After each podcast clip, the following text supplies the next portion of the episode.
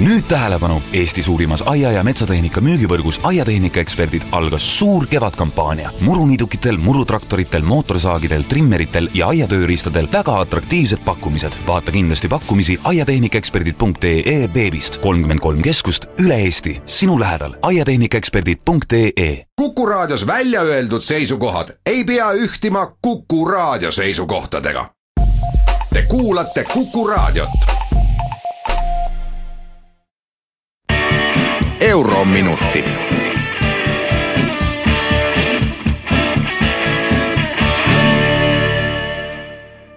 tere päevast, kallid Kuku raadio kuulajad. eetris taas Eurominutid ja Kersti Kaljulaid. mulle sattus näppu üks äärmiselt huvitav dokument. Frontexi riskianalüüs kaks tuhat kuusteist. Frontex on Euroopa piirikontrolli agentuur, millesse ka Eesti elavjõu ja tehnikaga on aastaid panustanud Frontex oli olemas ammu enne migratsioonikriisi Euroopas, kuid tol ajal ei pööranud tavalised inimesed sellele organisatsioonile mitte mingisugust tähelepanu. ent tema olemasolu tõestab siiski, et Euroopa Liit, nii nagu ta tegi seda juba üheksakümnendatel Euroopa Põgenikefondi asutades, on tegelikult alati olnud teatud valmisolekuks Euroopa piiridel toimuva jälgimiseks ja sellele reageerimiseks samamoodi oli just Euroopa Liit läbi oma sellesama põgenikefondi innustajaks, et Euroopa lõunapoolsed riigid looksid endale üldse mingisuguse pagulaste vastuvõtmise võimekuse. kui seda fondi ei oleks olnud, siis tõenäoliselt oleks Euroopa veelgi vähem praegu toimuvaks valmis. Frontexi riskianalüüs on mõeldud aga töödokumendina selle valdkonna inimestele Euroopas seda ei ole poliitiliselt korrektseks silutud ega liikmesriikide vahel kuidagi kooskõlastatud. sellegipoolest on dokument vabalt kättesaadav.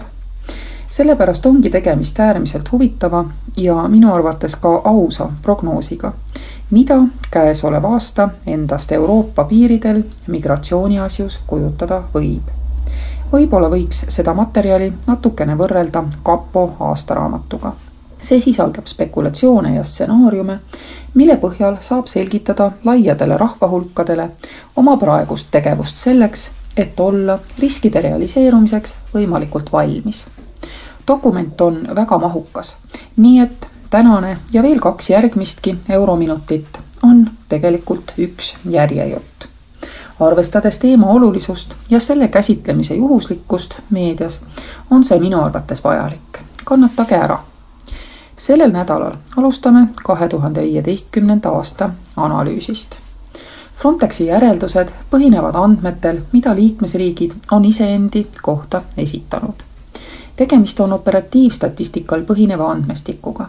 niisiis ei ole see ülearu täpne mis tähendab, et näiteks võib voo suurenemine mõnes kohas tähendada hoopis paremat sisenejate registreerimise mehhanismi, mis võib ära varjutada fakti, et parem registreerimine tähendab seda, et hoopis vähem inimesi edaspidi soovib selles lõigus piiri ületada. Frontex väidab, et kahe tuhande viieteistkümnendal aastal leidis kokku aset üks koma kaheksa miljonit piiri illegaalse ületamise fakti Euroopa Liidu väljast Euroopa Liidu sissepoole. seda oli kuus korda rohkem kui kahe tuhande neljateistkümnendal aastal, mis nagunii juba oli rekord varasemaga võrreldes kuid üks koma kaheksa illegaalset piiriületust sisenemise suunal tõenäoliselt tähendab umbes ühte miljonit inimest. sest suur osa tuli kõigepealt Kreekasse, läks sealt uuesti välja Makedooniasse ja sisenes juba sealt uuesti Euroopa Liitu läbi Ungari, et olla Saksamaale ligemal. Ungari pani piiri kinni, siis tuldi läbi Horvaatia. kuigi kõige koormatum oli nii-öelda Ida-Vahemere marsruut, tuli rahvast ka Lõuna-Vahemere rada pidi läbi Liibüa. Hispaania ja Maroko hoidsid varem populaarse Lääne-Vahemere rändetee aga kinni. seega tulid Aafrika lõunaosa inimesed Euroopa suunas valdavalt just läbi Liibüa. Euroopas tehti kahe tuhande viieteistkümnendal aastal ka ligi kolmsada tuhat otsust tagasisaatmise kohta. ellu viidi sada seitsekümmend viis tuhat ja keelduti üldse Euroopasse laskmast sada kaheksateist tuhat inimest kuigi sisenenute arv kaks tuhat viisteist oli kordi kõrgem kahe tuhande neljateistkümnendast aastast, siis tagasisaadetute ja sisse mittelastute arvud peaaegu ei muutunud, olles vaid natukene kõrgemad. mis näitab, et probleem käis Euroopa Liidule üle jõu ja et sisenejad tulid valdavalt kohtadest, mis ei ole ametlikud piiriületamise punktid, kus oleks saanud neid tagasi saata, selekteerida, arvele võtta kolmkümmend protsenti piiriületajatest kuuluvad gruppi määramata rahvusest, sest mitte keegi ei jaksanud neid piiril ära määrata. sisenemiskeelu juba piiril said valdavalt lihtsalt albaanlased ja teised, kellele kehtivad igasugused viisarežiimi lihtsustused, aga kes siiski piirile saabudes ei suuda sisenemiseks vajalikke nõudeid täita noh, näiteks ei ole neil tagasisõidupiletit või ei ole neil piisavalt raha või tekitavad nad muul moel kahtlusi ja seetõttu saadetakse nad piirilt tagasi. see rahvas tõenäoliselt ka ei oleks just sajaprotsendiliselt üritanud Euroopa Liitu jääda. nii-öelda piletiga reisijate hulgas põgenikke või majandusmigrante valdavalt ei ole või ei leita neid üles. Väljaspool piiripunkte sisenejaid kõik riigid ei raporteeri Kreeka püüab seda siiski teha, kuid teised mitte alati. et mitte kõiki ei nähta esmalt välispiiril, seda näitab ka sisepiiridel leitud illegaalsete sisenejate suur hulk, keda ei ole välispiiril mitte kusagil arvele võetud. tõsine probleem ja ka risk elule ei ole mitte ainult mereületus, vaid veoautodesse, sealhulgas külmutusautodesse pugemine erasektor püüab ise olukorrale reageerida paljudes veoautodes on täna juba CO2 detektorid, mis annavad teada, kui veoki süsihappegaasi tase muutub. see tähendab, et keegi võib konteineris hapnikku tarbida. Frontex soovitab veokite koormate turvalisuse tagamiseks kehtestada ühtsed üle-euroopalised nõuded. rahutud ajad lõunas ning idas ja püsivalt ning perspektiivitult kehvem majanduslik olukord nendes piirkondades tähendavad püsivat migratsioonisurvet ka tulevikus Frontex peab sellepärast väga oluliseks, et komisjoni poolt välja pakutud Euroopa ühtne piirivalve ja kõik piirikontrolli info jagamise meetmed rakendataks ahvikiirusel. lisaks kurdab Frontexi juht, et imelik küll, aga senini ei ole Frontexil, kes peab ju pidevalt jagama piiril sikke lammastest, leidma põgenikud ja lahutama need potentsiaalsetest ohtlikest ja võib-olla tulevatest terroristidestki, ei oma ligipääsu nendele andmebaasidele, mis Euroopa Liidul täna juba on. näiteks Europolile, Interpolile, Eurodacile. see viimane on sõrmejälgede andmebaas. samuti mitte Schengeni infosüsteemile viisasüsteemi osas. Frontex ei näe, et nende tööst saaks suurt tasu olla, kui tagasisaatmise osas kokkuleppeid ei ole. saad kätte majandusmigrandi, aga mis sa temaga peale hakkad? kodumaa teda tagasi ei taha ta soovitab arendada Frontexis ka luurevõimekust ja infotööd inimsmugeldajate võrgustike avastamiseks.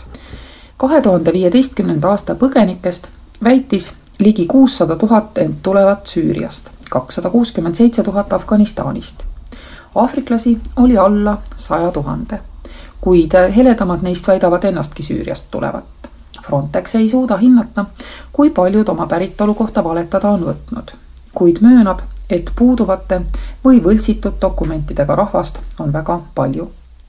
kuna piirivalve ei ole treenitud toime tulema suurte rahvamasside suunamisega, siis tekib piiridel sageli rahutusi ja olukordi, mis kipuvad käest ära minema.